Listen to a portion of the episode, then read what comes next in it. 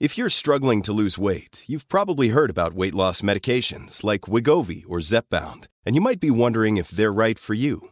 Meet PlushCare, a leading telehealth provider with doctors who are there for you day and night to partner with you in your weight loss journey. If you qualify, they can safely prescribe you medication from the comfort of your own home. To get started, visit plushcare.com slash weight loss. That's plushcare.com slash weight loss. plushcare.com slash weight loss. Quality sleep is essential. That's why the Sleep Number Smart Bed is designed for your ever evolving sleep needs. Need a bed that's firmer or softer on either side? Helps you sleep at a comfortable temperature? Sleep Number Smart Beds let you individualize your comfort so you sleep better together. JD Power ranks Sleep Number number 1 in customer satisfaction with mattresses purchased in-store. And now save 40% on the Sleep Number limited edition Smart Bed for a limited time. For JD Power 2023 award information, visit jdpower.com/awards. Only at Sleep Number stores or sleepnumber.com. Da ser vi sekundene de går ganske fort, men det får vi håpe at du, Gjermund, gjør også. Og vi må ha klart for oss at Radis Devi først får øye på han. Vil han bruke over to minutter inn? Dette tetter disse gamle OS! Over to minutter, helt sikkert. Ja da! Dette blir revansje for Øystein Pettersen og Petter Velkommen skal alle sammen være, hele Norge, og ikke minst hele Sverige. Hele Norden skal være velkommen til Skipodden episode 7. Fordi, Øystein, jeg har sett litt på tallene, og øh, vi må passe på at vi inkluderer Sverige i praten vår. For det er veldig mange som hører på fra Sverige. Hei, hei. Hei, hei. Er, er det ikke det man sier da? Det er det de sier der. Det er såkalt hei med j, det der. Det, Ja, hei, hei, hei, hei! Tjena, tjena!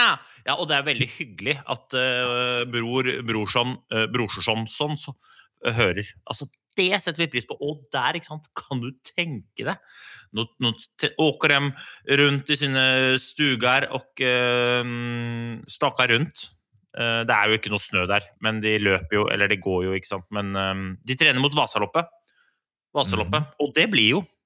det blir. Nå kommer straffesparket, Hanso. Um, Vasaloppet. Når er Vasaloppet? Hvert år. Um, det er jo før Birken, så det må være type Jeg sier ting, jeg vet ikke. Jeg, du, jeg, det er mulig å lese ut fra responsen på fjeset ditt om jeg er inne på det. Jeg, tror, jeg vil tippe rundt 20. februar. Første søndag i mars hvert år. Skriv det ned. Første søndag i mars. hvert år. Men det er før Birken, er det ikke det? Det er før Birken. Ja, så det var ikke så halvgærent. Eh, Det er ikke noe at det flytter seg til måneder eller sånn. Var det jeg trodde skulle noe. Første halv, søndag Nei. etter andre halvmåned. Det er greit å gjøre det enkelt, og det er jo selvfølgelig ikke for at svenskene er dumme. Det er for at vi nordmenn skal vite når det er. Så kan vi planlegge. Ja, ja, ja. Så sånn Ja, skal du gå Vasan i år, da? Eh, Det kommer litt an på karantenereglene ved hjemkomst. Um, Gjør det. Men jeg håper at jeg står på start. Jeg Ja. håper at Kanskje jeg er bli brukbart forberedt, og jeg lover at hvis jeg er der, er jeg blid. Ja, ja. ja nei, men eh, Skal du gå? Nei, jeg sa jo nettopp nå kanskje jeg skal bli med deg, men jeg, jeg vet det er langt, vet du. For uh, Ja. det matcher jo høyden min, da, det rennet. Men jeg tror Ja, det gjør det. Det blir jo sånn. For, og for deg er det jo altså, sju-åtte tak, så er du igjennom. Ser Ja, for meg. det- jeg ser for meg en sånn derre SVK som bare kommer gjennom de svenske skoger med eh, Med Englamarks eh, mørke der, ikke sant. Du Ja, ja. spiser, har det på drikkebeltet. Innpå et par går utelukkende på fett. Det, ja, ja, ja, ja. Og litt blåbærsoppa. Men, eh, men det som er i år, er jo at det, jeg tror det blir vanskelig, fordi at det er ikke så mange plasser. Nei. Men de skal jo lansere en slags sånn Vasaloppsvekkan. Eh, så du kan gå, eh, gå strekkan akkurat når du føler for. Ja. Nei, men vi syns uansett det er kjempestas at uh, folk hører på fra Sverige, og det, det, det setter vi kjempepris på. Så håper dere fortsetter med det, og spre gjerne ordet der. Og vi har jo, Målet selvfølgelig er jo totalt verdensherredømme, men jeg tror kanskje at det å selv Altså, Norge og Sverige er nok eh, kanskje det største vi kan bli. Det må vi være ærlige og erkjenne. Ja, og så tenker jeg også at eh, litt av grunnen til det er jo at vi har snevra oss inn på ski. Ikke minst. Og beviselig eh, så er det jo bare det er bare tolv i Frankrike som holder på med det. Ja, men ski Nei, nei, nå sier jeg feil. Ja. Nå sier jeg feil. Men du, Ja. Shit pommes frites, ass. I, I går hadde jeg en heavy dag. Ja, du hadde det, eller? Jeg, vet du, I går jeg starta dagen liksom på God morgen Norge sammen med Det var Helsetoppen, og det var Erna, det var full juballong. Jeg så det, De hadde invitert alle som tilsynelatende kunne noe om eh, korona og, og FHI.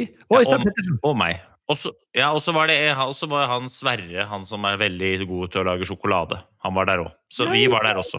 Som jeg har lyst til å bli kjent med. Du, du sa vel at du var en kompis som Han hadde faktisk eh, med seg mørk sjokolade også. Jeg tenkte selvfølgelig på deg. Men det som var ikke sant, det var jo det at jeg satt jo der og så sa jeg det at jeg bank i bordet. Eh, Vi har ennå ikke blitt påvirka av eh, karantenekjøret. Ja, ja, ja. ja. Nei, men det er bra. Og så gikk det tre-fire timer, og så slo karma meg midt i trynet. ikke sant? Bare der fikk jeg melding fra skolen. Og når du får melding fra skolen, så er det, det, er sjelden, det er sjelden det er skryt når skolen sender melding. Det kan jeg bare lære deg med en gang. Altså Enten så har eh, kiden gjort noe den ikke bør gjøre, eller i disse dager så er det karantene i vente. Så da åpna, åpna luke nummer 14. Der, der var det en eh, jente på åtte i karantene. Gaver. Så rått. Ja, men er, Så du er nå hjemmeværende far? Eh, eh, Jeg er hjemmeværende far. Det stemmer. Og ikke bare er jeg hjemmeværende far til Oda på åtte. Jeg tenkte da at For hvis du blir, hvis du blir smitta nå, ja. så er du jo i karantene julaften også. Og det er for så vidt greit med meg. Men jeg har en svigermor som sitter i Skåbu med 3,8 kilo ribbe. Og hun kan ikke feire jul alene med 3,8 Altså, det blir mye ribbe på svigermor. Ja, Så da tok jeg ut guttungen. nå. ja, altså, vi er kaster ikke mat. Så da, da måtte jeg kaste meg Jeg kasta meg ikke rundt, men jeg bare bestemte at vi må ta ut guttungen også. Så nå har jeg da to kids uh, hjemme, og så er det, er det korona. Det er juleferie. Det er det det er. Det er juleferie, men ikke for deg, kanskje? I like stor grad som det er for de? Eh, nei, altså for å ha juleferie, så må man jo ha noe å ha juleferie fra. Jeg har jo ikke jobb, så for meg er det det samme. Det er bare bedre mat på bordet. Ja, det er bra. Det er veldig godt. Er, har du god kaffe i koppen, da? Vi har jo Kaffebryggeriets uh, edle dråper, eh, som alltid, med oss. Eh, det hjalp det i går. Sorry at jeg avbrøt deg så tidlig, den, for du hadde jo mye mer på tapeten i går. Jeg, jeg snakka jo med deg en liten gang i går, og da var det innimellom slaga. Og det var jo ikke bare God morgen Norge som fikk gjennomgå, jeg må si. det var flere som skulle ha Øystein Pettersen på besøk i går. Ja, altså jeg raska med meg det som var, og det tenkte jeg på når jeg var på vei hjem. Altså Hvis jeg på en måte var smitta i går, det, det, det tror jeg ikke, da, for jeg, både jeg og min datter og vi har vært veldig både friske og holdt oss unna folk, men da dro jeg med meg omtrent halve Oslo i den vifta. Det får vi vel svaret på noen dager, gjør vi ikke det? Nå går jo smitten bare- ned, heldigvis.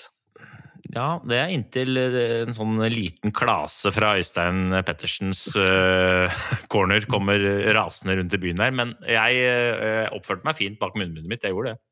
Ja, det er bra. Eh, Fikk du spredt ordet om Englamark og sånn og i alle kanaler, da? Så at folk støtter Coop-dugnaden, eh, som vi gjør? Du, altså, jeg var på Coop. Skulle kjøpe mørk bitter. Men jeg tror jeg handla på samme butikk som deg, for de hadde ikke igjen. Så da endte jeg opp med fiberrik Englamark pasta. Den skal vi spise til middag etterpå. Ja, ja. Så, så det, jeg, men jeg spredte ordet. Spredte ordet. Ja men det er bra. Vi, det syns jeg alle skal huske på, eh, og gjøre i hvert fall nå til jul. Det er viktig. ikke sant? Det er som vi sa sist, eh, det, er, det koster oss så lite, eh, og det gir de som fortjener det, så mye. Og da bør man, det bør man gjøre. Ja. Um, Men det er like viktig etter jul, eller før, som under Ja, jul. Det er absolutt året rundt, egentlig bør vi si det. Men det er, man kan alltid koble det til en høytid. Så man kan si sånn som i januar, kan vi si at eh, nå som det er vinter, eh, så må vi passe på å hjelpe til. Og så blir det vinterferie, og så blir det påske, og så er det sommer. Man kan alltid koble det til noe. Det er, eh, det er lettere å forholde seg til. Ja, jeg er enig. Men så, vet du, så på vei hjem, god stemning, nå kjører jeg hjem. Nå tar jeg karantenehjul. Så ringer Bård i kaffebryggeriet. Da har jeg akkurat passert Olavsgård, kjører nedover forbi Mortens kro der. Så bare Ja, ah, stoppa innom. Fy søren. Fikk jeg meg en kopp kaffe hos borderen. Bårderen. Ja, det er ikke dumt. Nei, Det var, det er bra. ja, altså, jeg hadde ikke tid til å spille shuffleboard, men uh, det var god stemning. Og, og jeg tenker, i, Ja. i det øyemed Altså, hvis du sitter der ute og tenker fader, ass. Jeg har for døv kaffe på jobben. Ja. Ring Bård. Hils fra Hanso og pølsa. Kanskje du får en god deal. Jeg vet ikke om får, du får noen god deal, men nå. øh, hvis, hvis det hadde vært opp til oss, så hadde den fått en god deal. Så eh, ring. For at livet er for langt, og nå er det så kjipt for tiden, så vi må ha god kaffe. Hvertfall. Da ringer du Bård. Det er, eh, det er veldig bra. Også en siste shout-out. Vi, vi, vi får en eh, gjest seinere i dag eh, som du var inne på det stedet når du sa at det er få folk på kontinentet som går på ski, og det stemmer jo ikke. Fordi det er jævlig mange på kontinentet som går på ski. De bare de, de liker å skyte i tillegg. Og vi skal i dag få besøk av en skiløper, men også en grei skytter. Eh, Tarjei Bø kom på besøk. Kjempe, kjempegøy. Eller han kommer ikke på besøk, han Nei, ringer faktisk inn fra Hochfilsen, der han nå er og går eh, verdenscup. Eh, ja da, det er Ja perfekt uttale, det der. Eh, Hochfilsen i Østerrike. Så det blir spennende å se om internettet holder. Eh, men eh, Tarjei har jo, han er jo med oss og støtter Skydda, sånn som vi gjør. Så vi skal jo prate, kanskje vi skal prate om det. Hva han gjør for å beskytte seg selv. Og det, jeg, bare for å nevne det, jeg, jeg snakka med Vegard i Skydda. Og så sa han at de har en ny greie de har utvikla nå. for De ligger ganske i front når det kommer til sånn vitenskap på, på det som bekjempe korona. Eh, og de har et sånn derre et sånt forstøverapparat som du kan bruke til å Jeg vet at når du hører forstøverapparat, så blir du kåt og tenker at det her vil jeg ha i lungene. Men nei, Øystein, dette skal ikke i lungene.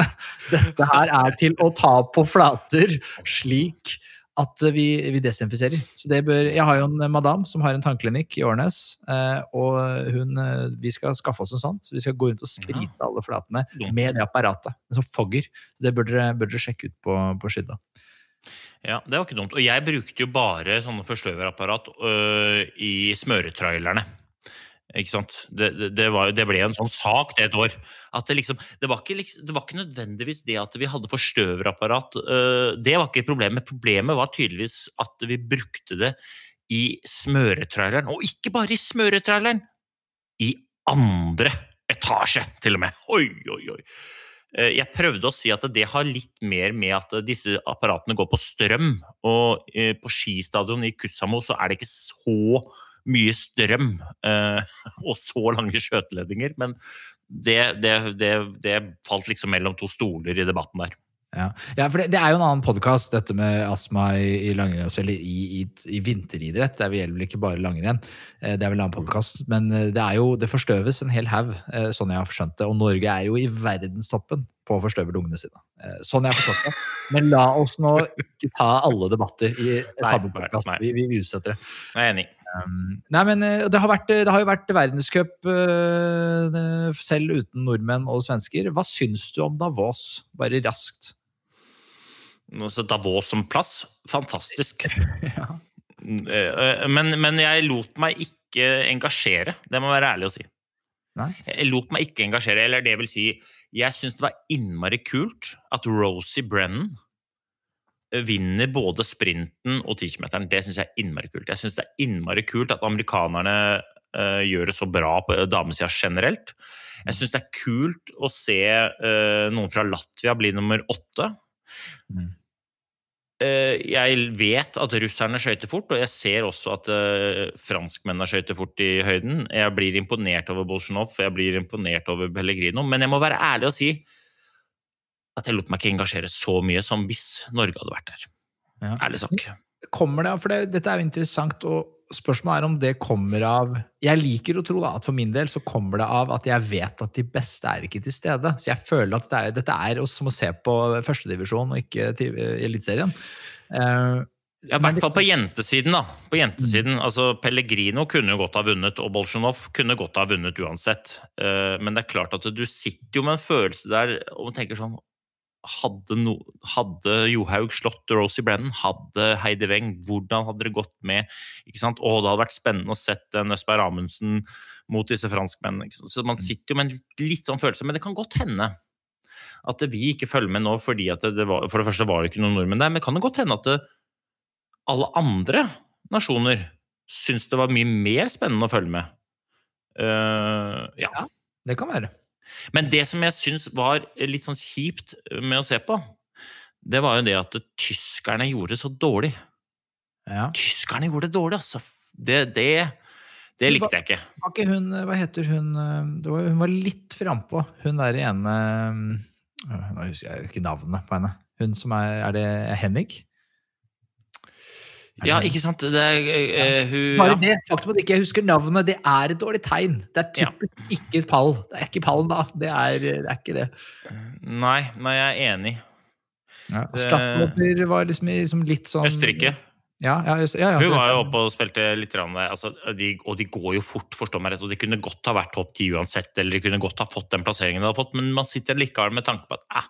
Så jeg, jeg fulgte ikke så mye med som jeg pleier å gjøre. Jeg gjorde ikke det. Og så syns jeg det var litt synd at Mussy han, han jo, han ble nummer seks. Sinnssykt bra. Men vi hadde jo håpa at han skulle vinne. Ja, vi hadde jo det, og det er kanskje det var kanskje å håpe mye, med tanke på at Bolosjonov og russerne er, som du sier, potensielt sett verdens beste selv med nordmenn til start. Men eh, pallen, i hvert fall. Eh, men sånn er det. Sånn er det. Jeg ikke, det er jo ikke dårlig levert av Messi. Og Andrew Young han var jo, fikk jo pallen på sprinten. Kjempe... Så, så det, eller? Så, Så det. den. Heia jo intenst på han. Ja, og Sveits holdt jo på å få pallplass i damesprinten.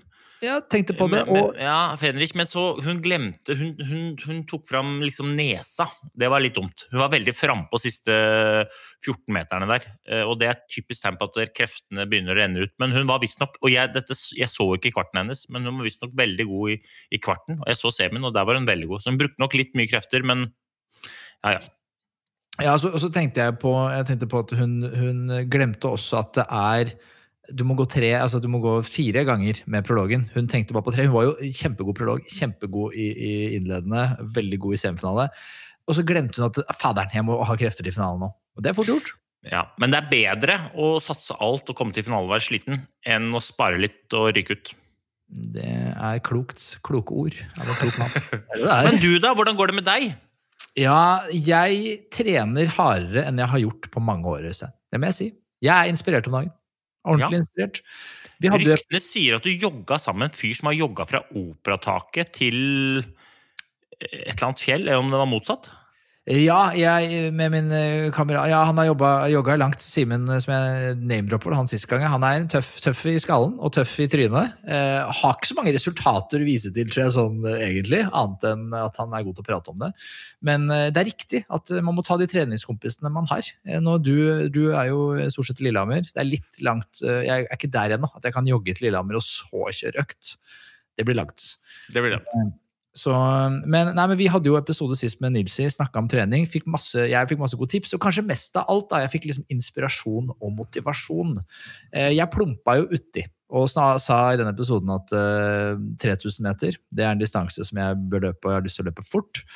Uh, og dette har jo folk fått med seg, så vi har jo fått masse meldinger med folk som sier kult, uh, 3000 meter, vi er med, vi vil bli med. Så vi tenkte vi, Øystein, at dette må vi jo lage en greie ut av. Vi, så vi, har, vi skal, og vi lanserer herved, Skipoddens 3000 meter challenge. Ja. Reglene Reglene er jo ganske enkle for det. det er, vi, eh, vi lager vi, vi, I morgen, eller, eller i dag, altså når episoden her kommer ut, så lager vi en, en påmeldings, eh, påmeldingsskjema hvor vi vil at alle, uavhengig av alder, kjønn og form per i dag, eh, og all, uavhengig av alt, melder seg på. Det eneste som er viktig, er at du er motivert og har lyst til å ha et mål å jobbe mot, som vi kan være sammen om. For da kan vi være sammen og snakke om dette målet, hvor vi er på vei. Vi er sammen om å, å planlegge treningsopplegg. Eh, og det gjør også at jeg blir mer motivert, for er det vet jeg at det er flere med meg. Eh, og, og, og tanken er da at man eh, løper, må prøve å finne en distanse som er ca. 3000 meter. Eh, og så løper man den nå, på denne siden av nyttår. Eh, registrerer man tiden sin, eh, og så eh, trener man. Trener vi sammen hver eneste uke. Bra opplegg. Fram til siste uka i april. Og da, er det, da går det ned. Da løper man samme distanse, dvs. Si man må da huske hvilken løype man løper, eller eh, og ideelt sett, da.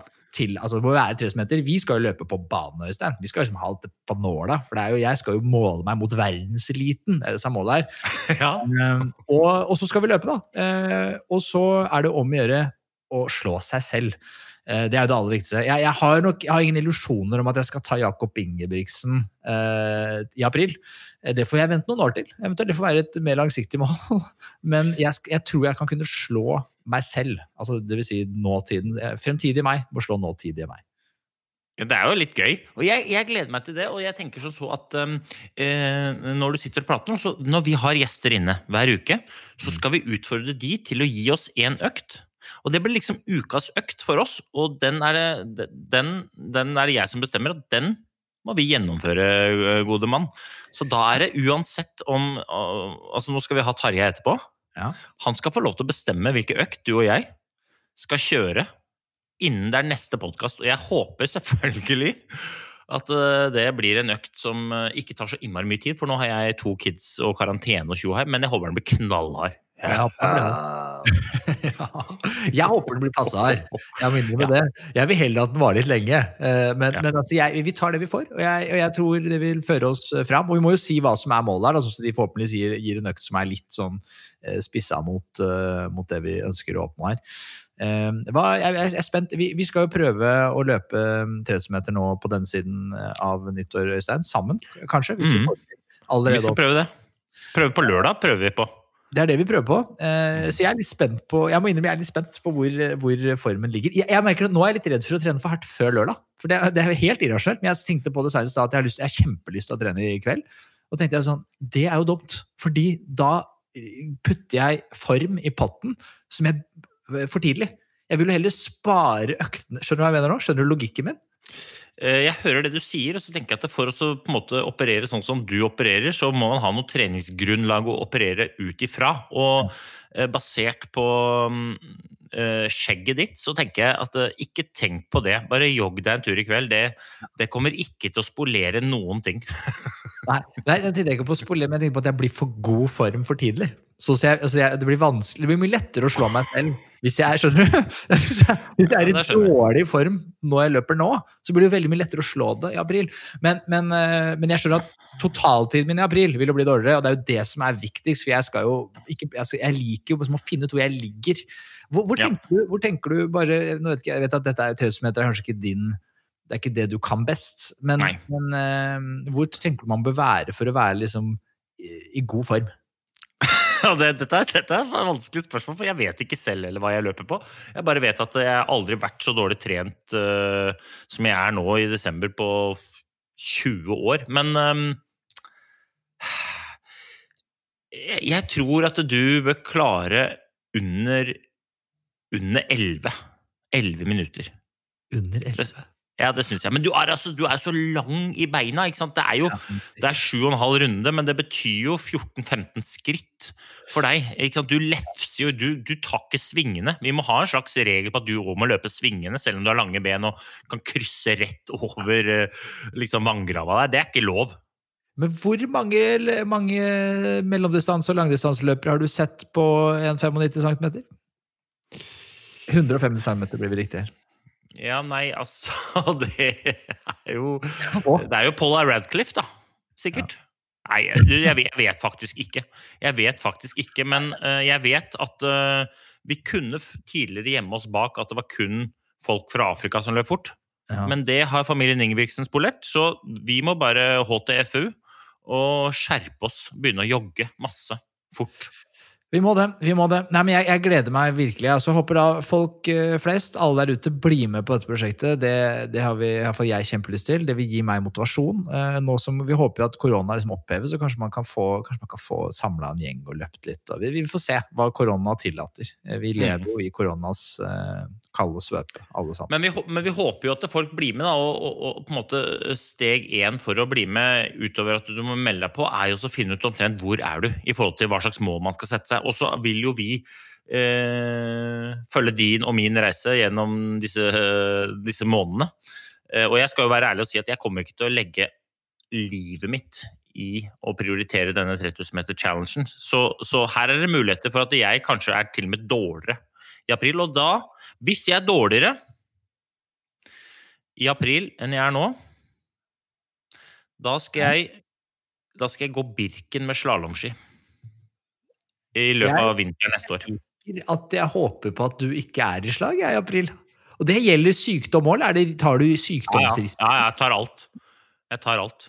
Ja. Da skal jeg gå, og så skal jeg løpe maraton med knytte skolisser også. Altså sammenknytte skolisser. Ja, ok. Ja, ok.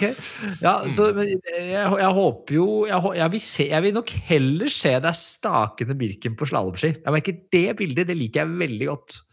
Ja, for det blir det, det ser jeg for meg. Én ting er liksom at eh, utstyret er tungt, men meg du kan bli ganske sår på framleggen etter hvert. Det, jeg blir sår på framleggen når jeg står vanlig på alpinski. Så jeg er klart, hvis jeg skulle staka gjennom Birken Men jeg, jeg vil jo tro du er jo i sånn såpass ok treningsform at du, du bør kanskje klare det. Jeg hadde nok ikke klart det, så det ikke er så gøy. Så det, jeg ser at det er, er det datteren som har lyst til å være med i podkasten, eller? Du, det er, dette er femåringen. Ja. Han har akkurat nå, Vi var jo i barnehagen og måtte hente ut eh, tøyet hans, han hadde også blant annet henta da eh, en pepperkake. For de har en sånn julekalender, ikke sant? så trekker de hverandres pepperkaker, så får de med seg hjem. Eh, Så Sigurd han hadde da en pepperkake, og det var egentlig med godteri på en seng av pepperkake. For han har Ja. pynta den. Så det var, det var stort sett nonstop på en seng pepperkake.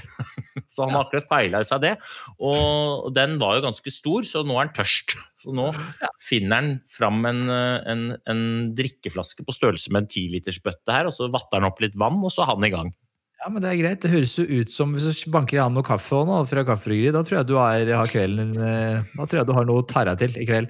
Nei, men det er bra. Vi, vi har jo noe vi skal ta oss til, vi og Øystein. Vi eh, skal få besøk av Tarjei Bø. Eh, Vi skal, jeg gleder meg til å Jeg har masse spørsmål om alt mulig, så det gleder jeg meg veldig mye til. Jeg tenker vi bare tar inn Tarjei. så- Kjør på! Da har vi fått, eh, vi har fått besøk eh, i podkasten av eh, en nydelig mann. Han er olympisk mester, verdensmester. Han eh, går raskt på ski, og han skyter ganske bra. Han skyter ganske bra. Veldig hyggelig å ha deg på besøk, Tarjei Bø. Hei, hei. Det var bra intro. Ja, vær så god. Det er jo ærlig intro. Det er jeg veldig fan av. For den smiskinga, den eh, Det er best å være ærlig fra start her, tenker jeg. Ja, jeg tenker det. Jeg tenker det. Ja, men det er, vi, du, er jo, du, skyter jo, du skyter jo bra. Vi, du, vi, du er jo nå i i Hochfilsen, er du ikke det? Ja, det er jeg legger det, Skiskyting er jo litt sånn tyskinspirert. Jeg legger det jo, Selv om jeg er i Østerrike, så er det tysk, en tyskspråklig idrett. da. Så du må være god på CH-kombinasjonene skal du drive på med, drive på med skiskyting. Er det, er det god stemning i Kvilsen, eller åssen er det der nå? Det er helt, eh, helt kongestemning. Det har vært en bra sesongstart. da. Det er jo resultatlista egentlig som setter stemninga. Dette vet jo du alt om, Øystein. Du vet jo at lag, hvis laget presterer, og flere presterer, så blir det jo generelt god stemning. Så nå har vi jo hatt fire Fem individuelle løp. Seks individuelle løp og fire forskjellige norske guttevinnere. da. Og så har vi to damer som har vunnet òg, så, så det er egentlig veldig, veldig bra for Norge foreløpig. Ja, det er bra. ja, det er kult. ass. Faderen, eh, det, var, det, er jo, det er jo gøy å se på når, um, når de unge lovene slår igjen for første gang og griner litt. Men det, det, var deg, det, var, det var greit å se deg i Conti og Lahti også, da. Det var greit, det. Ja, det var kjempe, kjempebra. Det er jo, jeg har ikke vært så bortskjemt med å vinne så masse siste året. Altså, det å, det å vinne, det er jo ja, Du savner det litt. Det, det er veldig deilig å gå øverst og så føle at du ja, du er litt der eh, ikke å høre hjemme er jo feil å si, da. Men eh, det å være der innimellom, det er jo veldig befriende. da, kjenne at du, selv om du har bikka 32, så kan du fortsatt bli bedre enn du var når du var ung. da, Så det er fint. Ja. Nei, men eh, formen du, Det har jo vært litt sånn, sånn jeg har forstått det, litt motgang de, de siste åra. Men eh, jeg vil jo si at eh, nå er du jo med på hugget enn eh, på lenge. Det ser jo veldig lovende ut. Ja, jeg bra på hugget nå. Altså, dette blir jo litt sånn der eh, Det blir jo litt sånn mediestyrt, så altså, jeg har jo hatt diverse problem. Men siste året har det jo vært øh, veldig bra, egentlig. Men det er jo klart, folk sitter jo igjen med det. Det blir, det blir liksom forsterka Det blir like forsterka som at Øystein aldri er, er sur og grinete. Han er jo det av og til, men, eh, men for det meste er han glad og lykkelig. Og, og eh, folk er veldig glad i å sette liksom stempel på og jeg har vel hatt en eh, del konkurranser jeg har gått glipp av, da, der jeg ikke har vært på, på mitt beste. Så det å ha en sesongoppkjøring der jeg kan eh, liksom ja, slippe å ha et menn bak, da, det er veldig befriende. Ja, for jeg, jeg, følte, jeg følte du- var litt hissig der. Halser. hatt en del motgang. Det er sånn, da, da omgis du folk som får det til å flyte ganske godt. Når Tarjei Bø har hatt en del motgang. Det sånn, ok, greit, Han har ikke vunnet alle rennene han har gått, men han har vært, det har ikke vært, det har ikke vært det har ikke vært det verste. Det har ikke vært liksom, han har ikke stått på toppen av juledugnadslista mi. Og så tenkte han, nå må jeg, nå må jeg hjelpe Tarjei litt, for han har et tøft han Jeg tror ikke Coop-dugnaden tenker sånn Tarjei Bø, her må vi legge inn, her må vi virkelig legge trykket. Altså, altså, når, du, når du har en bror da, som, eh, som uh, vinner veldig masse mer enn meg, så er det jo klart, da syns jeg jo litt synd på han store broren der, som, uh, som ikke vinner like ofte. Hadde det ikke vært Johannes, det er jo egentlig han som har gjort at jeg ser litt uh, dårlig ut. Du får si at det er du som har lært den alt den kan. ja, Det er jo ja. sånn det er. Han Ja, du er jo alltid vært oppe der. Er- Jeg føler, men det var at Du la lista så innmari høyt da du, når du kom inn i verdenscupsirkuset. Så var det liksom sånn Her her har vi en juvel. altså Han kommer bare til å vinne alt de neste årene. Og så var det jeg mente er motgang. Og så har du jo Du er jo, du har unektelig vært dritgod, eh, og det ser jo på merittlista di, viser jo det. Det er jo noen gull der, og det er jo, det er jo liksom Du har jo vært oppe i ringa, og du er jo alltid i toppen. Alltid i toppen. Kjempejevn. Men jeg bare tenkte hva jeg mente da med disse, disse, disse seierne. Det går veldig fint. Nå er du flink til å ro, Hanso, men jeg tenker sånn at det er lettere å ro danskebåten med et kneippbrød enn å redde deg unna at du sa at Tarjei Bø hadde hatt det tøft i det siste. Men Jeg jeg har et helt annet spørsmål, eh, Hanso, så nå må du roe ned. For jeg har et helt annet spørsmål. Um, nå reiser dere rundt, uh, Tarjei, og så uh, er det jo ingen folk på tribunen. Mm. Ikke sant? Og det er jo litt sånn som Det er jo for så vidt jeg vant til, men dere er jo ikke vant til det. Åssen er det nå å reise rundt og gå renn, og så er det ingen som ser på? Ja, det er veldig, veldig rart. Veldig spesielt. Og spesielt nå når vi kom til, til Orkvilsen, for her er det ekstremt bra stemning. Masse tyske litt eh, beduga fans som, som står og, og skriker i timevis. Så vi merka det vi merka når vi var her. Finland der er det litt mindre trøkk vanligvis. Um, og så skal vi jo til Tyskland over jul, og Italia, Anterselva Oberhof og de legendariske plassene. Og uten publikum der, det, det blir uvant. Det er jo hele den atmosfæren som gjør at eh, skiskyting er helt eh, rå idrett da, å, å drive på med. Å skyte foran publikum. Det er jo sånn elsk-hat-forhold. Av og til går det jo til høyde på deg, men, men ofte er jo det en veldig sånn ah, enorm eh, følelse da, som, som eh, alle langrennsløpere ikke kan relatere til. Nei, det, det, der, er du, der er du god. Og jeg har jo òg registrert at Merkel hun jobber nok neppe i, i markedsavdelinga på på de rennene som kommer over jul i Tyskland. Det har jeg òg sett at hun, hun, hun oppfordrer ikke folk til å gå mann av huset. Men, men det som jeg tenkte også da, var at jeg reagerte på én ting. For dere er vant til masse uh, blide folk som står og, og skriker på tribunen. Og så uh, kom eh, Tandrevold i mål i Kontio og så sa hun at det liksom Nei, Ola Lunde ødela for meg, for han, han, han, han jubla liksom litt. Da var, det, da én pokal som jubla, og det ødela for Ingrid. Har ikke hun vært med på disse rennene i Filsen før? altså Litt av greia der jeg, kan kjenne meg litt igjen i følelsen hun hadde der. For det er jo den klassiske når du går eh, Når jeg var litt yngre og gikk sånn klubbrenn hjemme, eh, hvis du var hjemme i jula og sånne ting. Og så står liksom mamma bak og ser på, ikke sant? og bare, uh, og bare å, 'Det var bom, og det var treff.' Og den følelsen der, jo, jo mindre det blir, jo verre blir det ofte. ikke sant? Når du er vant med en vegg med lyd bak deg. Hvis det da plutselig er stille, og du hører liksom mammaen din, eller Ola Lunde, da. Eh, som da ikke er pappaen til Ingrid, men eh, det skulle alle, alle håpe.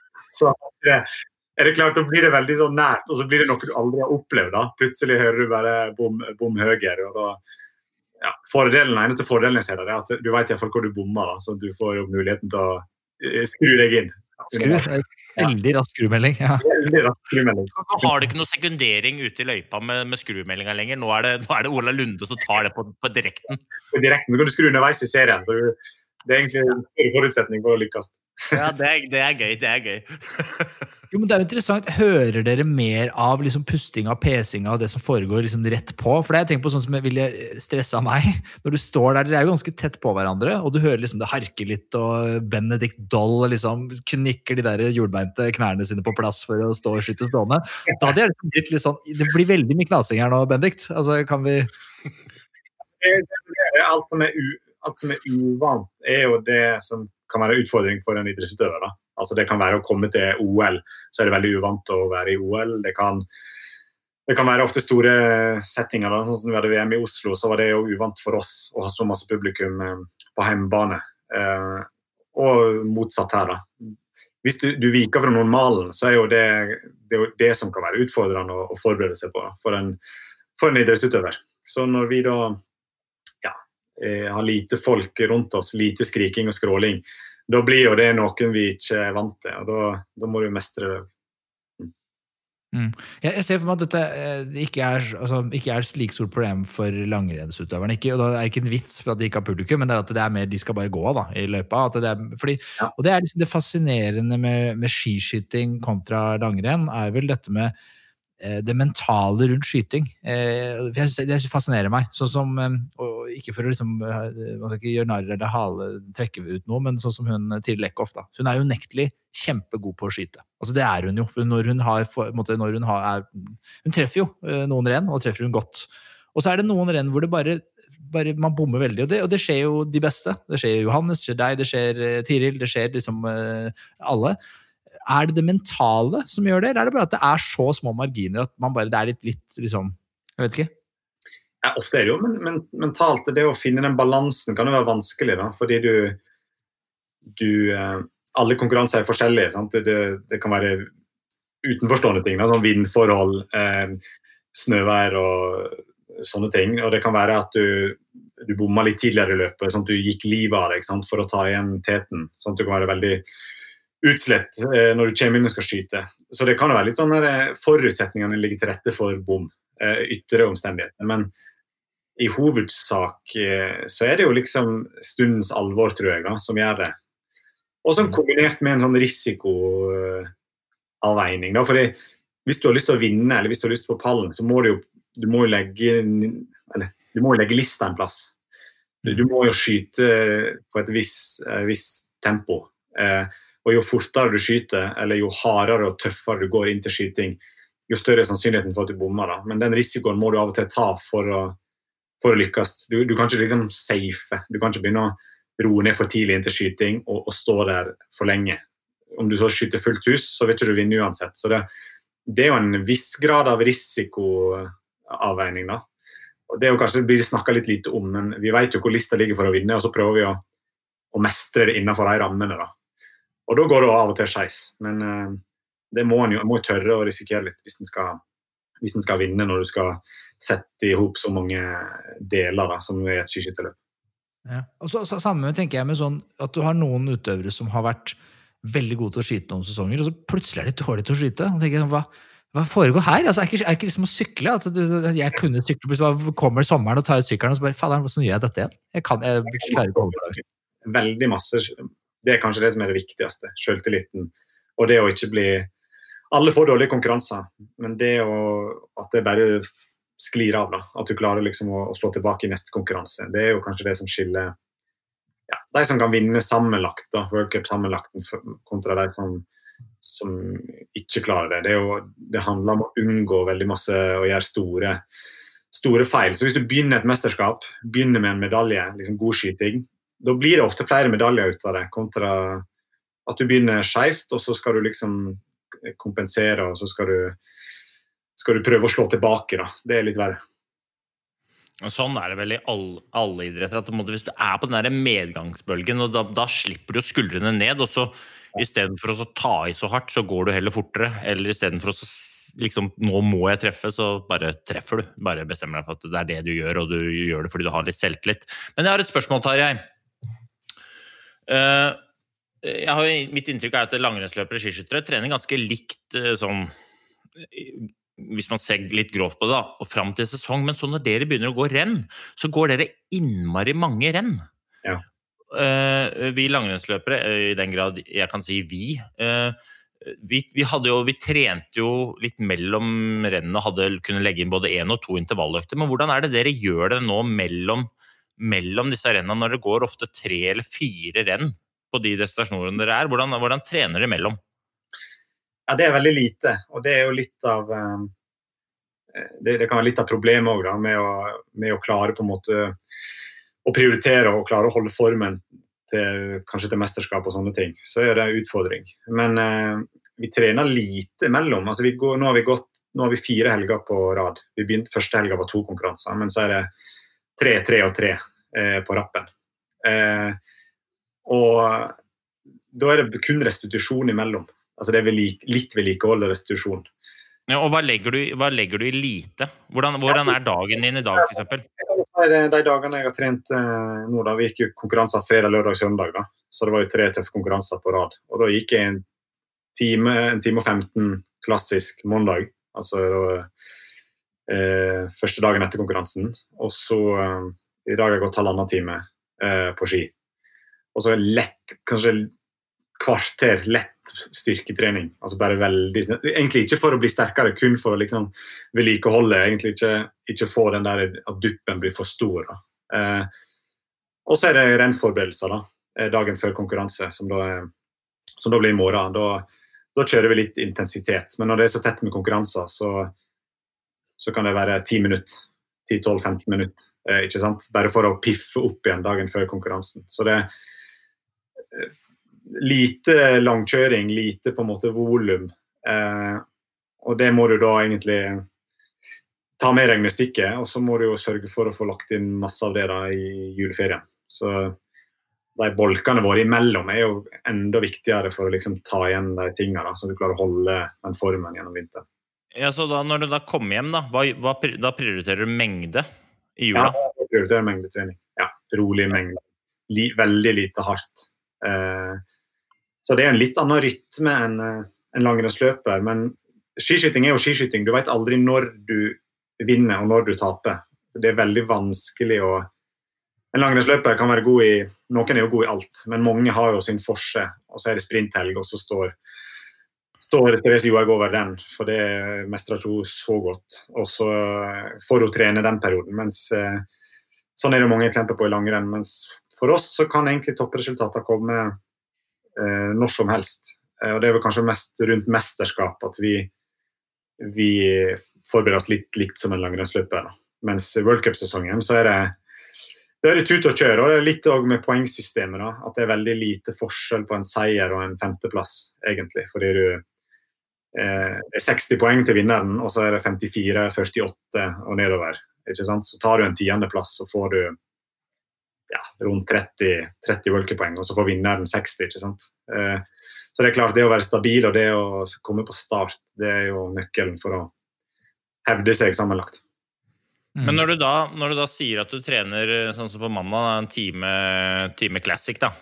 Mm. Og, og, nå vet jo ikke jeg hvordan Filsen er i utgangspunktet. Eh, men, men, i år hvor det ikke er lov til å gå ut av rommet uten munnbind, og man skal helst ikke Hva, hva gjør man da de resterende 23 eh, timene? Altså, hvordan er en koronatur? Uh, fire rolige uker i, i plasser Gud dreit litt i?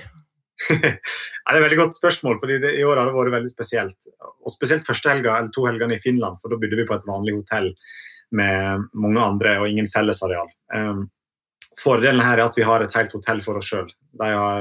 Hotellet er litt mindre, som de fleste vet, i Alpene, så her har vi hele Norge har hele hotellet. Så selv om vi må ha på munnbind når vi er litt i fellesarealet, så kan vi iallfall menge oss med hverandre. da, Komme seg litt ut av rommet og sånn. Um, så all ære til Skiskytterforbundet. Har vært veldig flinke på å legge, legge til rette altså, for at vi skal prestere. Og vi har lykkes, da. Eh, det er jo ikke målbart, eh, men jeg tror vi har vært best forberedt eh, koronamessig. Og vi har hatt de beste resultatene hittil. Så jeg tror vi nordmenn generelt er gode på å tilpasse oss. da. Og Ole Einar og Halvard Anhold og gjengen som liksom har fostra opp skiskytinga, de var jo ekstremt nøye i alt de foretok seg. Så den euroen har jo på en måte gått videre. Så det er veldig lett, lett å, å takle korona når du har hatt de to som på en måte har lært opp hele forbundet til detaljfokus og smittevern og alt det som de var veldig gode på. Mm.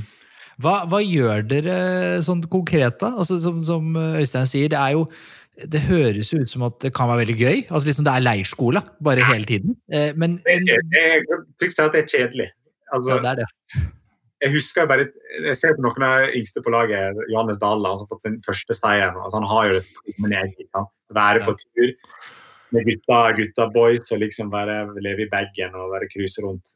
Og jeg kjenner meg veldig igjen i den følelsen som jeg hadde for, for ti år siden. Nå er det litt Jeg er her for å konkurrere og, og prestere, og, og, mandag til onsdag eller torsdag ah, jeg, skulle gå, jeg skulle gjerne vært hjemme da. Eh, mens det der livet å være liksom på tur, det, det blir litt seigere år for år. Jeg kjenner det. Ha- Har, har, har Dale har han nevnt noe om liksom vi kan, jo, vi kan jo kalle en spade for en spade og si at noe av det feteste med å komme på pallen eller vinne, er jo at alle folk rundt deg liksom syns at du er en innmari fet fyr. Eh, men nå er det jo ingen rundt deg. Så da er det sånn Har Johannes liksom nevnt litt om at Litt dølt at ikke det er noen chicas her nå som syns at jeg er veldig kul? Er det noe, har det vært noe tema? Altså, Vi kan snu litt på det. Det kan kanskje være bedre å slå gjennom eh, i 2020, da, der eh, alt, eh, alt, alt foregår gjennom telefonen. Telefonen fungerer fortsatt.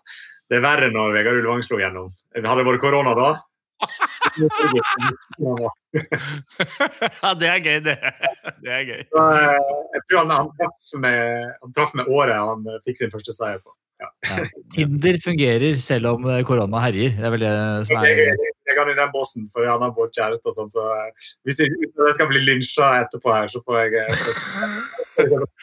Men du bekrefter at han har brukt litt på roaming? Han bruker litt på roaming, og det å, det å lese om seg, selv, seg å, Vi snakka om selvtillit i stad. Det å lese om seg sjøl i nettavisene, det, det gir jo en enorm selvtillit. Så jeg tror han, han er klar til helga.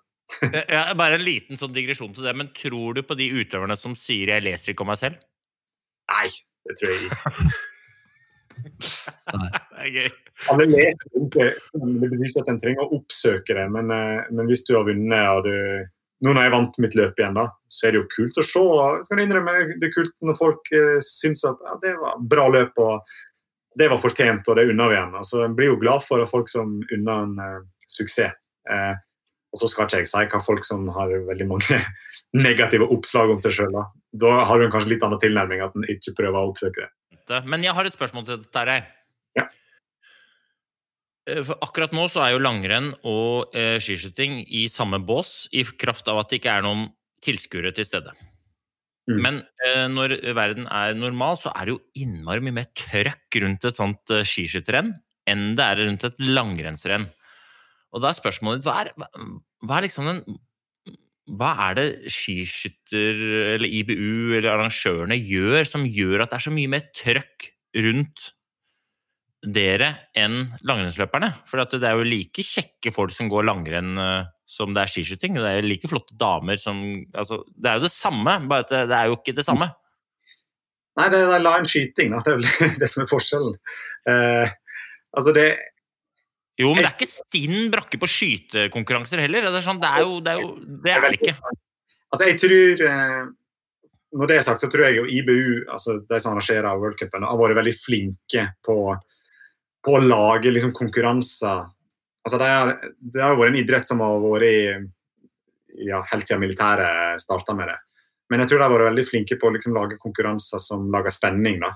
Eh, og hatt veldig fokus på at underholdningsproduktet skal skal liksom være den viktige parameteren hvis du skal endre en distanse eller ta inn en ny distanse. Um, og, og det syns jeg jo langrenn også har vært veldig flinke på når de begynte å gå sprint. Det er jo lenge siden de begynte med sprint, men det gjorde jo langrenn mer eh, populært i Mellom-Europa òg. Eh, det var mer action og det var litt mer, eh, litt mer stavbrekk og eh, litt mer trøkk. da. Og jeg tror jo folk Underholdningsverdien tror jeg er det som trumfer alt. I Norge elsker vi vinteridrett, og vi elsker å sitte og se på timevis med vintersport. Men jeg tror nedover i Europa så tror jeg at de liker underholdning. De er ikke så glad i vinteridrett. De liker spenning, action. Og det som frustrerer mange utøvere, skiskytterutøvere, er jo den der at det snur så fort. Jeg leda løpet, og så ble det kant ut, og så ble det nummer fem. Men det er akkurat den nerven der som gjør at folk eh, elsker det. da. Eh, og så er det en veldig publikumsidrett når du er på arenaen. da. Det er klart, det er skyting. det er du står rett bak blinkene og ser rett på der konkurransen blir avgjort. Det er jo på en måte som å være på en fotballstadion. Eh, og det blir, blir ikke det samme når du ser langrenn, tror jeg. da, fordi der er jo alle deler av løypa kan være like viktig. Og hvis du har flaks, så er Petter Northug på start, og så blir det avgjort på, på oppløpet der publikum er. Men eh, ofte blir det avgjort eh, midt ute i skauen òg, så det er ingen som får med seg. Ja, det er et godt poeng. Men mitt inntrykk sånn fra utsiden er jo at dere er mye flinkere til å fasilitere det rundt, som treffer de som ikke nødvendigvis bryr seg noen verdens ting om hvem som krysser den røde streken først, men som er veldig glad i det du sier som på en måte denne stemninga, den atmosfæren. Eh, For jeg tror at eh, de kunne jo like gjerne dratt på et skirenn hvis de ikke bryr seg om hvem som går først i mål. Eh, Men, det, altså, men hvis du går på et skirenn, så får du tilbud om å kjøpe ei lefse. Ja. Det, det, er ikke alle, det er ikke alle på tribunen i Filsen som har ei lefse i hånda. Det har jeg lagt merke til. Nei, det er sant. Og det, det tror jeg jo at eh, de er veldig gode på, på å tilpasse seg liksom, kulturen i de landene de arrangerer. Da. Eh, men jeg, jeg tror idrett, altså skiskyting har jo hatt har bre, veldig bredt nedslagsfelt i alle land vi konkurrerer i, nesten. Eh, men hvis du ser på langrenn, så er det jo ekstremt stort i Norge og Sverige, masse publikum. Og så ser du på hopp igjen, som ikke er så stort i Norge og Sverige, men som er helt enormt i, i Østerrike og Tyskland. Og hopp, hoppuka er jo like stort som, eh, og kanskje større, de konkurransene vi gjør i Tyskland. Så jeg tror det handler litt om tradisjon òg. Eh, hvis du hadde klart å få femmila i Kollen, eh, den stemninga der rundt om i hele, hele Europa, så hadde det jo vært akkurat som skiskyting eller hoppuka. da. Så det handler jo litt om kultur, eh, tror jeg. Så, Men dreier det seg ikke litt om, som du sier der, at man har klart å Det er jo en grunn til at langrenn er så stort i Norge og Sverige. eh, Fordi man har profiler. Ja. Vi, Ja. vi er jo vi er klart, langrenn var jo når eh, ja, Det var nå før jeg slo gjennom òg, da. Du kan jo nesten spole 15 år tilbake, nesten, nesten 20. Det var jo tysk, tyske herrene i langrenn var jo de beste i verden. De vant verdenscupen flere år på rad der med tre-fire forskjellige utøvere. Og det er klart, det skaper interesse. Folk liker å vinne, da. ikke sant? Så um, jeg tror det er nerven. Hadde du fått fram mange gode franskmenn, mange gode tyskere, så hadde du fått med TV og TV-produktet. Eh, Så jeg bare på skiskyting, det var ingenting i Frankrike. Og så ti år med Fourcade, og så er det den mest populære vinteridretten der òg. Så jeg tror folk er glad i å heie på vinnere i sitt eget land. Jeg tror Ja. Mm. Ja, vi, vi har jo diskutert dette. Vi har hatt uh, sånn diskusjon om Fordi i hvert fall jeg mener at noe alvorlig må gjøres i, for langrenn, ellers så dør sporten. Altså det, er jo, det sitter jo bare nolduser i Norge som er kjempeivrige, men resten av verden forholder seg jo ikke til idretten omtrent. Uh, og så hadde vi jo Vegard Ulvang. Jeg vet ikke om du har hørt på eh, båten her? Vi hadde han på besøk. Og så prøvde vi å sette han litt til veggs, da. Stille han til dette. Og så fikk vi som svar at uh, Not my problem, liksom. Altså, noen Fiks det gjerne, liksom. Jeg skal ikke stå i veien for noen, men liksom eh, Vet ikke. Han var ikke helt liksom enig i dette så er det vel hans, spør du meg. Det er jo de som bestemmer som må lage endringene. fordi du vil uansett møte motbør på en eller annen plass. Hvis du endrer sånn og sånn, og mer sprint eller mindre sprint, eller kutter femmil eller lengre eller kortere runder, så er det alltid masse skriking og skråling. Men uh, av og til må en jo bare skjære gjennom. Uh, og jeg tror at uh, hvis langrenn skal bli mer populært, så må jo bare en, en som sitter i underholdningsavdelingen i en eller annen TV-kanal rundt om i Europa. Jeg tror det er han som vet best hva som skal til. Fordi Lage underholdningsverdi er veldig smart. Og så er det én ting til jeg har lyst til å si. fordi De beste må være på start til hver tid. Du kan iallfall begynne der. Fordi altså, da, Og da må du kanskje endre hele systemet for å få de beste på start. Fordi hvis vi hadde gått her i Hockfilsen, og det norske laget og det franske ikke var med fordi vi skulle på høgdeopphold du jo, Hvis du hadde gjort det over litt lengre tid og flere år, så hadde du mista masse penger og masse interesse og masse publikum. Så, så når det, de beste ikke er på start, det er jo ganske enkel matematikk, spør du meg.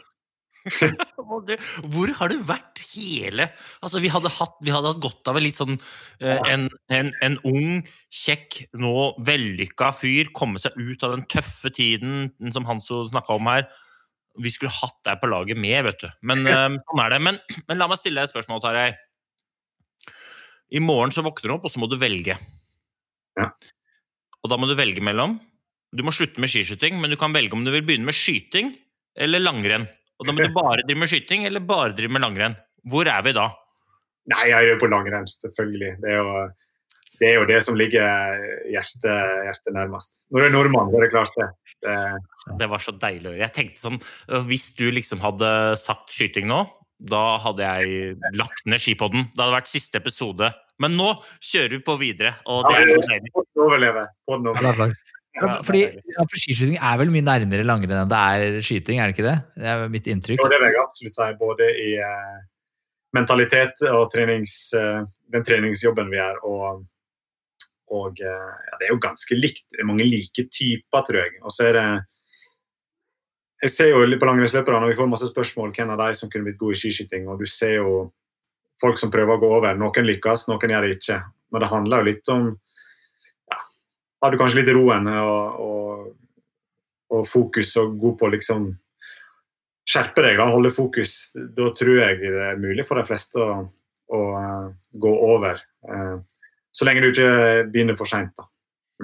Ja. ja, for det er veldig gøy dette med skiskyting versus langrenn. Eh, og du eh, sa i stad at, at, man trener ganske likt. Gjør man det? Altså, for det er jo, man skal jo prestere på litt ulike måter. Det er vel mye mer eh, start og stopp i skiskyting enn det er i langrenn? Ja, likt, da. Altså, vi, vi, trener jo masse av det samme. Eh, men det er jo likevel en, en, det er jo likevel en stor endring der. Og det er klart, en langrennsløper som skal mestre både skøyting og og klassisk. Det er jo logisk at uh, det er jo enda mer fokus på den stake revolusjonen og sånn som skjer der. Det, er nok Eller ikke bare Det er helt overbevist om at det er masse mer brutal, tøff overkroppstrening og sånn som, som, kreves i, i langrenn. Uh, men òg tror jeg den utviklinga går jo litt over til skiskyting òg. Det er klart det, det blir jo tøffere gåing der òg, og det er andre typer skiskyttere som kommer fram nå, som ikke var før, akkurat som i langrenn. Så vi ser jo litt endring. Vi har noen franskmenn nå som, som er litt mer sånn sprintertyper, som ypper seg litt mot eh, Også har litt kvaliteter som vi, vi norske skiskytterne ikke er født og oppvokst med. Da. Så jeg tror den utviklinga skjer veldig, veldig automatisk. Og så tror jeg alle har blitt masse mer flinke på Uansett hva idrett en driver på med, med langrenn eller skiskyting, så tror jeg folk har blitt enda flinkere på spesialisere seg, for du vet at du må det for å hevde deg. Det, når Lars Berger og Ole Einar eh, var blant de beste i skøyting, så trente de på en annen måte enn vi gjør nå.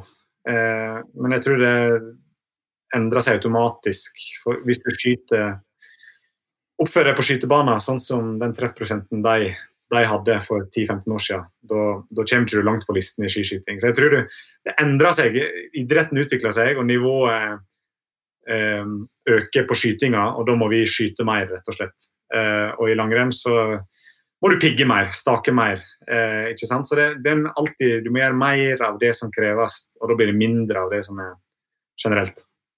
Og det er jo en nydelig bro, Hanso. For at, Tarjei, jeg og Hanso eller Hanso han har bestemt at vi i april vi skal løpe 3000 meter. Ja. Uh, og, og, og, da Du sitter her og så sier du at du må trene på det du skal bli god på. Og Hanso uh, kan jo ingenting om trening, og jeg kan jo ikke så innmari mye om friidrettstrening sjøl, for å være helt ærlig. Så vi har nå lyst til å spille deg opp, da. ikke sant? Nå skal du komme med en økt som du mener at jeg og Hanso må gjennomføre før neste pod, eh, som er liksom det er Tarjeis superøkt for uh, farta på 3000 meter på meg og Hanso. Ikke sant? Så da må du uh, brodere ut uh, hva slags type økt, og hvis du har kapasitet til å fortelle hvorfor, så kjør på. Nå vet jeg veldig lite om Hanso. ja, men det er det som er fint. Ja, jeg tror, jeg tror at det er en vesentlig forskjell på dere to. Da, der jeg tror at Hanso trenger mer Der må utholdenheten opp for å springe fort. Men eh, Øystein, du har jo utholdenhet, så du trenger jo kun å, å lære deg å springe. Det er jo to vidt forskjellige deg. egentlig. Men jeg tenker sånn, Favoritter må jo ikke være utenfor for idrettsmøter. Men hva er liksom en god, en god økt, en favorittøkt som du gjør når det er liksom, se for deg når det er ute av sesong, det er sommer, og du skal nå skal jeg ha en bra økt. Og så er det jo fordelen den For jeg trenger virkelig all hjelp jeg kan få hvis jeg skal få en god tid på idrettsmøter. Ja, og, og, og, og, sånn eh, sosiale mediemessig så bør det jo være sånn at eh, Hanso og jeg blir svette. Så ta, ta liksom en, en, god, gammeldags uh, intervallfavoritt her nå, Tarjei, som du spiller opp, som vi forplikter oss til å gjennomføre og hashtagger Tarjei Bøs superøkt. Ja, Det må, altså, være i løping, da, regner jeg med? Nei, det må ikke det. Men eh, Hanso bor på en plass hvor det er bare eh, rullekebab og grus, da. Så det er fint hvis det er løping. Ja, ja. Jeg tenker jo det beste, det beste kan kanskje være sånn komboøkt, der du, der du springer eh, flatt i starten eh, på litt lavere intensitet, litt sånn flyt, eh, flytfart, intensitet 3-4, så har du to-tre drag der. Og så går du da de siste to-tre dragene i motbakke. Ikke for bratt, slak motbakke. Eh, for da begynner jo løpssteget å få kjørt seg litt allerede, så da kan eh, hjertet ta over. Så hvis du gjør den, da tror jeg du kanskje dere to har en perfekt økt for å utfylle hverandre sine kvaliteter. Ja, og, og lengde på drag og pauser. Ja, da må du jo først ta litt, litt lengre drag, tenker jeg. da. Jeg ville jo kanskje hatt sånn eh, ja, tre ganger eh, seks, seks-sju minutter først. Og så har du tre ganger fire minutter eh, motbakke til slutt. Seks drag. Fikk du med deg dette, Hanso? Ja, jeg, altså, jeg skal løpe ganske radig i seks-syv minutter sammenhengende, ja. Nei, men den er, jeg tar den. Men tempoet Tre ganger. Ja. Og så er det Tre ganger. i motbakke på i fire minutter. Mm. Og er det da vatter man opp intensiteten i motbakke, eller tar Tarjei? Ja, ja det, det var det, det jeg tenkte. da. Når tida går litt ned og bakken går, bakken går opp, eh, så må, en, eh, må jeg ta litt mer. da. Eh, men jeg tror det er mange bedre som er er bedre enn meg på, eh, på løpeøkt. altså. Men ikke her nå. Ikke her nå. Og det er det som er fint. ikke sant? Du kan bare skinne her nå. Ikke bry deg om hjert, ikke bry deg om en fjert. Bare kjør på. Så, men ø, pausene dine, hva har du der? det er jo samme. Jeg har aldri brydd meg om hvor lang det er. Et par minutter. Man skal hente seg inn, det som er greia. Ja, det er jo egentlig det. Altså, jo lenger du venter, jo, jo mer gruer du bare til neste. da. Så Pauser er, jo- er jo der for at du skal kunne holde opp farten på neste drag, men så lenge en føler seg klar, så er det jo bare å gunne på, tenker jeg. Ja. Vi Siste, siste uka i april er jo sesongen over, er det ikke det? Ser vi deg med oss eh, på løpebanen, eller blir du med på 3000 meter challenge? Det, det, vi syns jo det er artig med sånne her eh, utfordringer, da. så den løpebølgen har jo kommet litt tilbake nå. Eh, og nå med korona så blir det jo enda mer springing og alle mulige slags eh, challenges der ute. Så altså, eh, det er bare å invitere, så skal jeg se om jeg eh, dukker opp. Det er bra. Det er veldig bra. Nei, men eh, Tarjei, er det noe vi, vi har glemt å, å spørre deg om, føler jeg? jeg føler du? Eh, Eller er du Kanskje du, har du litt tid, eller? Fordi vi har jo vi har en, en spalte som vi pleier å, å, å gå gjennom, som vi gjerne skulle hatt med deg på, Tarjei. Og det er Jeg vet ikke, husker du Norigarden? Ja, ja, ja. Ja ja, Norigarden. Dette er da Det er da. ja, Om han holder på, ja. Ja. Om, ja, ja. Altså, han, er, han er hyperaktiv. Altså, det er, han gir seg aldri. Det dukka opp et dikt her på en sånn, et Facebook-innlegg jeg hadde etter jeg vant der. Så um, han, han leverer fortsatt. Jeg er fortsatt på radaren til Norigarden, så det er jo, det er jo en tillitserklæring i seg sjøl. I aller høyeste grad. Eh, Og den tilliten må vi jo prøve å finne oss eh, alle verdig. Så, så han er jo nær venn av podkasten. Bidrar, med- bidrar med litt li- limericks. Eh, Og det gøye her var, fordi jeg fortalte Nordgarden at vi skulle ha deg på besøk, og så sier han eh, følgende. Han sier eh, Jeg eh, eh, leverte et limerick til Tarjeis eh, konfirmasjon. Å ja. Husker du det? Gjennom ja. din onkel. Nei, men det jeg husker altså, Det var så masse bra der i den konfirmasjonen. Og hvis jeg skal tippe, så tipper jeg det var min onkel eh, Harald, da, som jobber i NRK. Men det jeg husker at han lagde en film med, fra NRK. da, Gikk rundt og filma litt forskjellige kjendiser der. Bl.a. Jan Åge Fjørtoft og Arne Skeie. Eh, og Kjell Kristian Rike. Eh, så det var veldig masse inntrykk der. Eh, så limericken, limericken har jeg glemt. Men at det var masse bra kjendiser som ønska meg lykke til, det, det husker jeg. Ja, Det ble nok lest opp av Jon Hervik Karlsen. Jeg har fått den her, så vi kan ta den. så kanskje det, at du husker det. Han, sier selv at vi må må huske at dette er da limerick nummer 2352 av 8000. Så det er noen limerick siden, så han er ikke så stolt over denne, men her kommer den. Og det er Ja, ja. Fra ekspertene i NRK. Det er jammen meg ikke så få.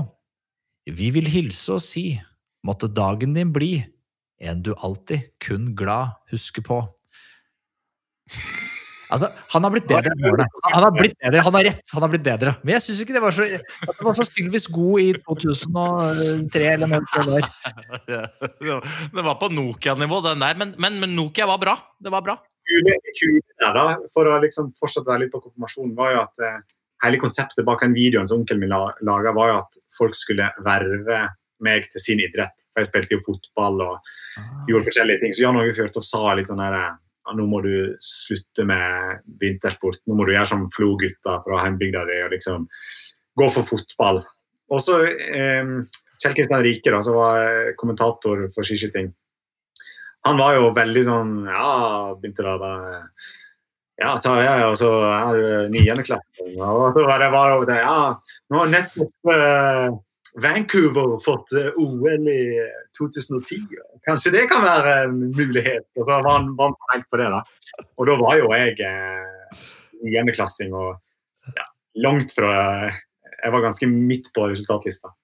Så det at han liksom pusha på der, og så var det mitt første, første mesterskap i Vancouver, det, det er jo ja, det er litt kult. Kult å se tilbake på sånne minner. Det er klart, det var jo som å høre Kjell Kristian Rike der, Tarjei. Utrolig skarp invitasjon. Det tenker jeg revyspiller, det ble det ikke. Men, men jeg, det er, jeg føler du Jeg har har noe å falle tilbake på her eh, nå når jeg eh, ja, Om noen år på putte, så kan jeg bli kommentator. Ta over han. Det er det, det er det du kan. Ja, nei, men De vant jo, det kan være Nordgarden som gjorde det. da, De fikk jo deg inn. Men vi, må- vi må høre kanskje ukas, uh, ukla, ukas limerick. Um, er dere klare for den, boys? Vi er så klare. Kjør på med litt sånn god lyd, sånn som du pleier. Og så lukker vi øynene, vi, og bare lytter. Det kommer en dobbel en. Vi setter på litt her, ja. Bra. Eh, Dette er ingen typisk sesong. Etter god, gammel, vanlig fasong. I Davos ga en sprint. Nok et tydelig hint. Brennan, Lampage, Pellegrino og Young. Ja, Ganske bra. Og så har han en her da, som er egentlig til deg, Øystein. For han har altså sett at du har starta med litt sånn barnlig aktivitet. eh, Og den eh, lyder som følger. Det å eldes har avgjort en hake, for det er ingen veier tilbake. Men husk på mens du går, at du alltid forstår. Du blir aldri for gammel til å ake. Ja! Hæ? ja! Ja, den er nydelig! Altså, den er nydelig! Ja, den var fin. Det er, det er livsvisdom. Der har du livsvisdom pakka inn i fem rolige rinner, hvor én, to og fem rimer på hverandre. Det er sånn ah! Det, er, beskriver limerick. det beskriver konseptet limerick godt. Ja, og det er sånn, da kan jeg spise pultost med hevet hode, for jeg fortsetter å ake. Ja, det, nettopp. Det, det... Så, så du i går, eller, Hanso? Jeg, ja, jeg så du har vært og kost deg med noe rolig rakfisk. Jeg vet ikke om det er lov å spise Det er, det er disk. Det er disk, det er ikke lov. Og jeg hadde ikke med pultost. Nei, nei, det var det jeg ble det rakfisk. Vi, det, dette er en inside eh, greie, Tarjei, men eh, Øystein er, han spiser, veldig, han spiser pultost og syns det er godt. Da. Jeg, jeg, jeg vet ikke om det er strategisk for markedsverdien Øystein Pettersen å gå så hardt ut med det. Jeg, jeg vet ikke. Men eh, spill. Har du noe guilty pleasures, eh, Tarjei, som du vil avslutte intervjuet med? Altså, veldig Jeg elsker å komme med sånne ting, men uh, når uforberedt så klarer jeg ikke jeg ta noe på stående fot her. Uh. Ja, ok, men du kan ta noen andres. hvis Det, det er like gøy å droppe name liksom hvis, eh, hvis Dale eksempel bruker truse, så er det, det er like gøy. Et eller annet. Det er jo, det er jo ikke guilty pleasure, for jeg er ganske stolt av det, men hele laget her Vi har jo en eh, hele her laget her har en veldig henger på, på Jakten på kjærligheten. da. Vi, vi syns det er et fantastisk program å følge med på om dagen. Det eneste reality-programmet som Øystein ikke har vært med i ennå, det Ja, ja, men jeg satt jo i går og spiste rakfisk, og så på frieren oppe i Vågå, som bare er altså så trauste at jeg dauer! Hva skjer med han? Jeg går rundt og sutrer, og det er så synd på meg. Jeg skulle gjerne ønske at jeg fikk vært litt mer sammen med Trine. Ja, da må du spørre, da! om å finne på noe! ja. Ja, vi syns det er helt fantastisk, men eh, vi, jeg, jeg, jeg, har jo, vi er jo fra, jeg og Johannes er jo fra, fra gard, så vi har et gardsbruk. Så vi har jo faktisk en Selv om vi er opptatt begge to, så har vi jo en framtidig mulighet her å være med på Farmen. Nei, Farmen sier bonderomantikk, som, eh, som Øystein ikke har. det. Så ja. Ja, men kan jo komme som frier. du kan komme på frier, det er et godt poeng. Hvis du melder deg på, så, så melder jeg meg på, så har vi en deal med at vi kommer. Jeg kan bli med. Altså, det blir jo aldri noe av de der Farmen-para, nei, Jakten på kjærligheten-para likevel, så Ja, ja, det er greit, det. det er greit. Jeg tar med pultost. Med de ja. kloke ordene der, så tenker jeg vi, vi kaller det en dag. Takk for tiden, Tarjei. Vi, vi heier på deg. Vi syns det er kjempe, kjempegøy. eh, Og du, eh, dette måtte det bli en eh, god sesong, til tross for koronaen. Eh, Hils alle de andre. Eh, Vi heier på alle. Både eh, kvinner og menn.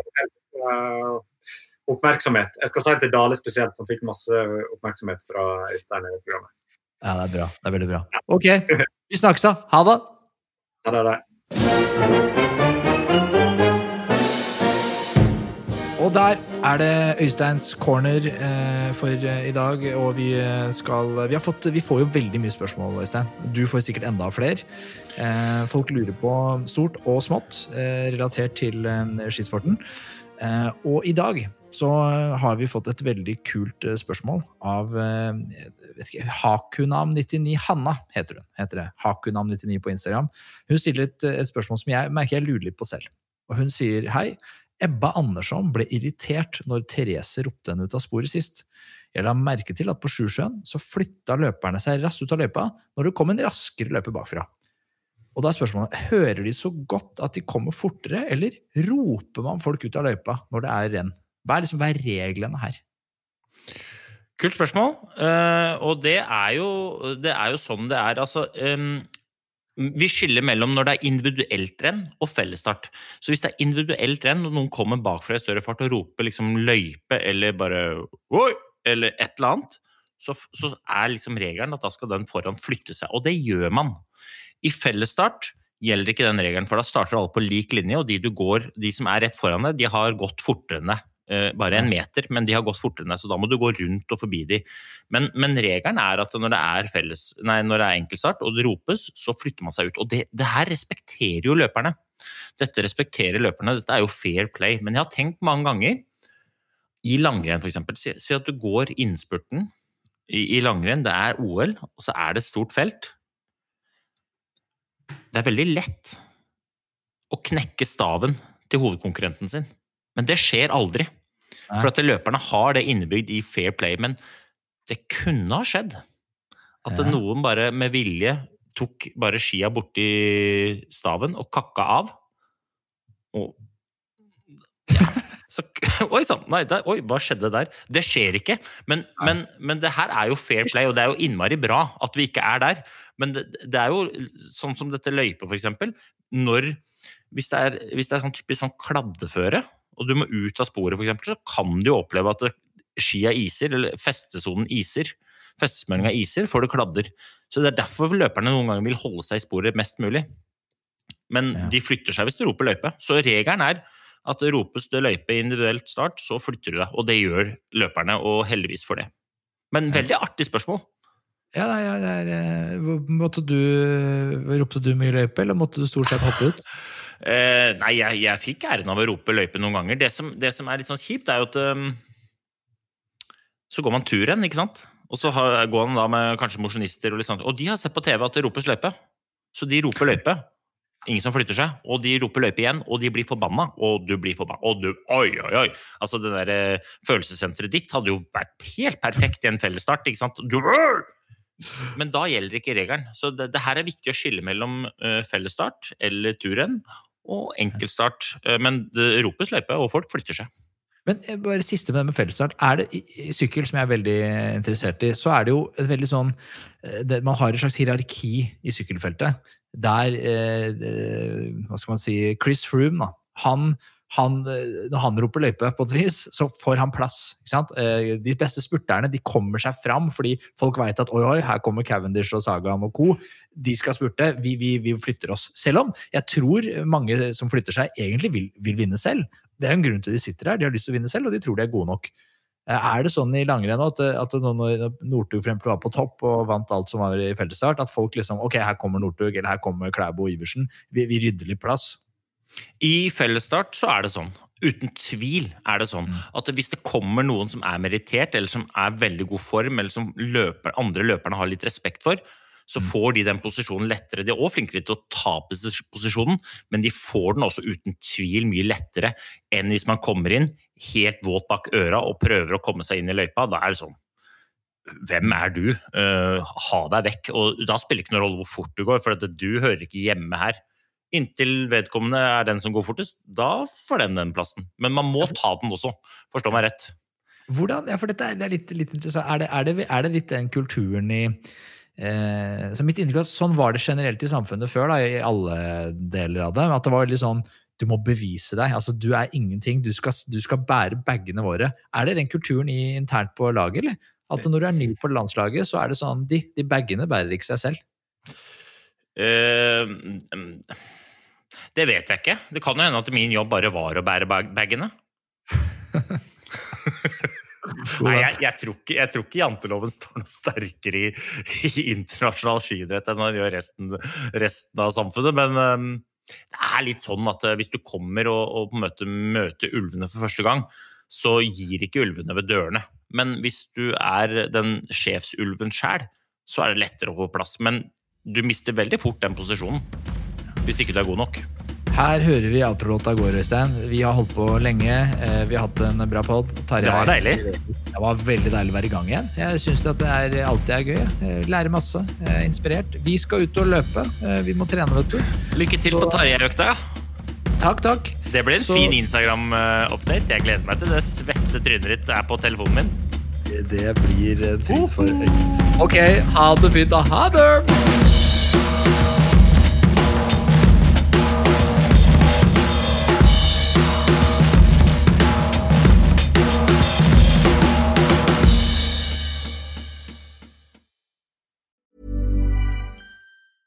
A lot can happen in three years, like a chatbot may be your new best friend. But what won't change? Needing health insurance. United Healthcare Tri Term Medical Plans, underwritten by Golden Rule Insurance Company, offer flexible, budget friendly coverage that lasts nearly three years in some states. Learn more at uh1.com. Planning for your next trip?